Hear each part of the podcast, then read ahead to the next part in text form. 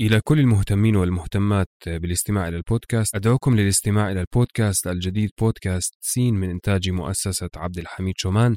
البودكاست من تقديمي وإعدادي وأيضا يمكنكم أن تجدوا رابط البودكاست في وصف الحلقة. شكرا لكم. شكرا دائما.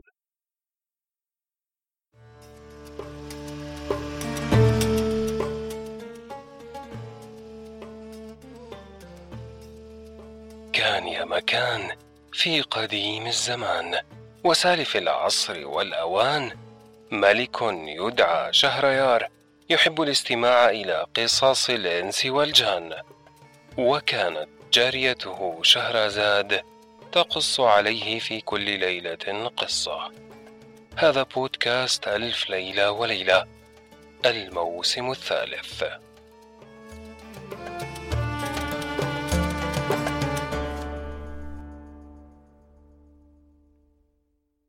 الليلة الرابعة والسبعون.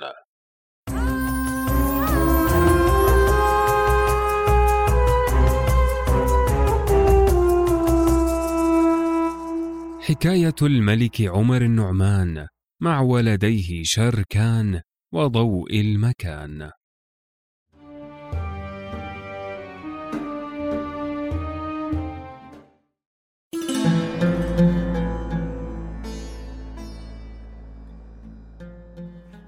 قالت بلغني أيها الملك السعيد أن الخادم قال لضوء المكان يا سيدي إني أتيت إليك في هذه الليلة ثلاث مرات لأن سيدتي تطلبك عندها قال ومن أين هذه الكلبة حتى تطلبني؟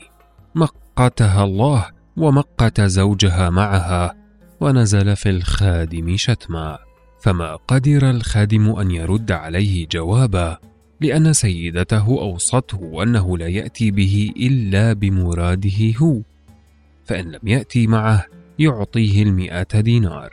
فجعل الخادم يلين له الكلام ويقول له يا ولدي نحن أخطأنا معك ولا جرنا عليك فالقصد أن تصل بخطواتك الكريمة إلى سيدتنا. وترجع في خير وسلامة ولك عندنا بشارة. فلما سمع ذلك الكلام قام ومشى بين الناس والوقاد ماش خلفه وناظر إليه ويقول في نفسه يا خسارة شبابه في غد يشنقونه. وما زال الوقاد ماشيا عن قرب من مكانهم وقال ما أخسه إن كان يقول علي. هو الذي قال لي أنشد الأشعار. هذا ما كان من أمر الوقاد. وأما ما كان من أمر ضوء المكان فإنه ما زال ماشيا مع الخادم حتى وصل إلى المكان ودخل على نزهة الزمان وقال لها قد جئت بما تطلبينه وهو شاب حسن الصورة عليه أثر النعمة. فلما سمعت ذلك خفق قلبها وقالت له أؤمره أن ينشد شيئا من الشعر حتى أسمعه من قرب. وبعد ذلك فاسأله عن اسمه ومن أي البلاد هو. فخرج الخادم إليه وقال له أنشد شيئا من الشعر حتى تسمعه سيدتي فإنها حاضرة بالقرب منك وأخبرني عن اسمك وبلدك وحالك. فقال حبا وكرامة.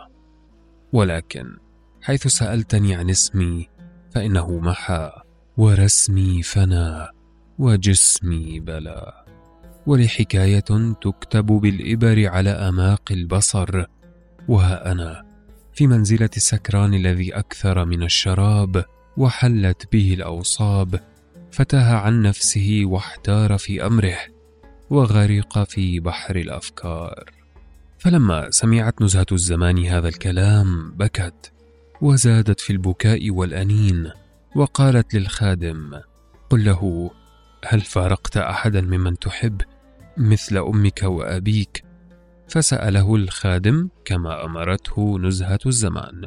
فقال ضوء المكان نعم فارقت الجميع وأعزهم عندي أختي التي فرق الدهر بيني وبينها. فلما سمعت نزهة الزمان منه هذا الكلام قالت الله يجمع شمله بمن يحب. وأدرك شهرزاد الصباح فسكتت عن الكلام المباح.